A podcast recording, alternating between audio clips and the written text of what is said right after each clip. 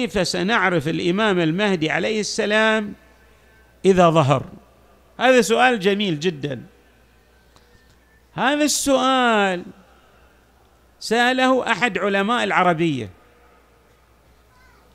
سأله آه سأل الإمام الهادي عليه السلام. الإمام الهادي التقى به ابن السكيت. ما أدري الإمام الهادي أو الجواد.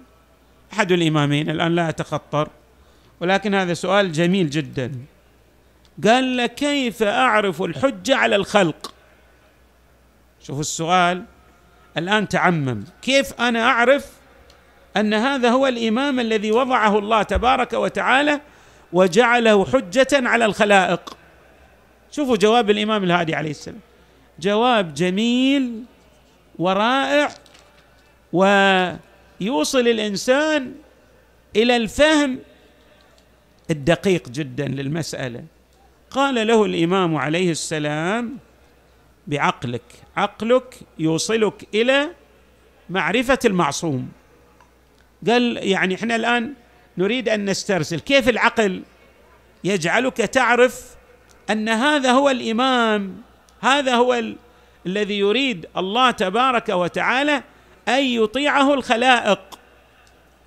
كيف تعرف؟ ها راح عقلك يدرك إن هذا هو الأفضل هذا هو الأعلم هذا هو الأتقى هذا هو الأبر هذا هو الذي يريد الخير للبشرية جمعاء.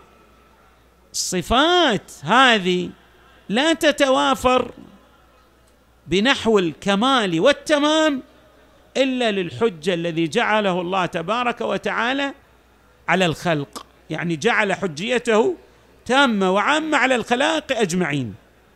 شفتوا هذا الجواب الذي قاله الإمام الهادي لابن السكيت؟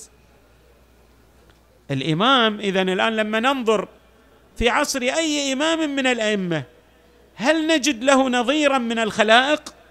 يدانيه أو يساويه في علمه أو في تقواه أو في الميزات والخصائص التي أفاضها الله على ذلك المعصوم؟ لا يوجد. ولهذا أيضا هذا الجواب و... سبحان الله كأن الليلة يعني مع علماء العربية. الخليل بن أحمد الفراهيدي وهو أيضا عالم من علماء العربية. إحنا الآن بدينا بعالم عربي من المتأخرين وهو ابن السكيت. هذا من علماء العربية المتقدمين من أوائل علماء العربية.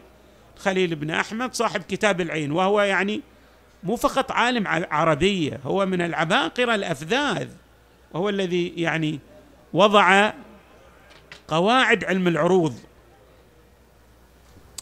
الخليل بن أحمد شخص جاءه وسأله كيف أعرف أن الإمام أمير المؤمنين عليه السلام هو الحجة على الخلق هو الإمام دون ما سواه. من نظرائه مثلا من الصحابة. شوفوا الخليل بن أحمد أعطى إجابة جد دقيقة. وغاية في الأهمية.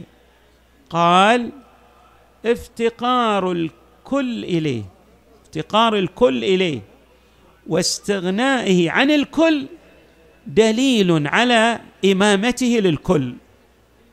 إحنا نشوف نرى الإمام أمير المؤمنين يحتاج إلى احد في علم هو يقول سلوني قبل أن تفقدوني.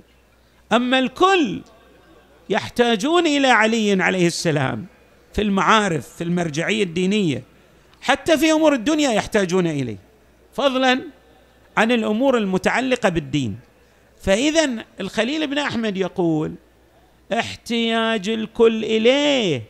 واستغناء الإمام عن الكل دليل دامغ وساطع على إمامته للكل. هذا دليل واضح بعد يعني محجة واضحة. نجي إلى الإمام المهدي إذا خرج.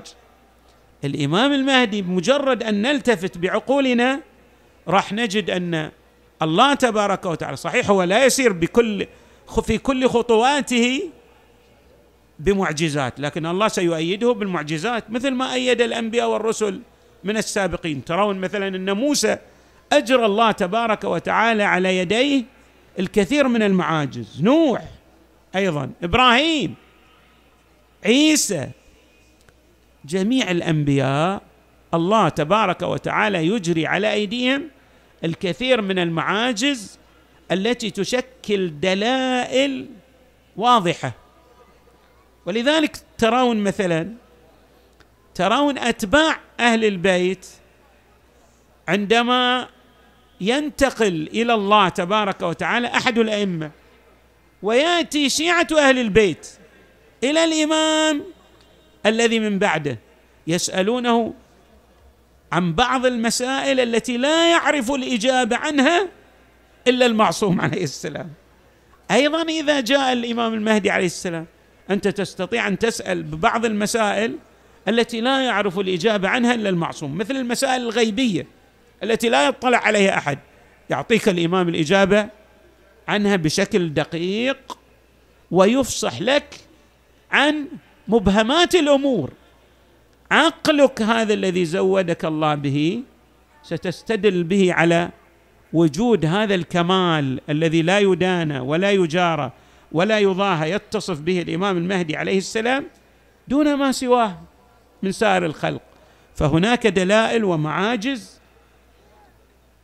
تجري على يديه صلوات الله وسلامه عليه ولا وكل هذه الدلائل تجعل الإمام عليه السلام كالنار على المنار بل كالشمس في رابعة النهار.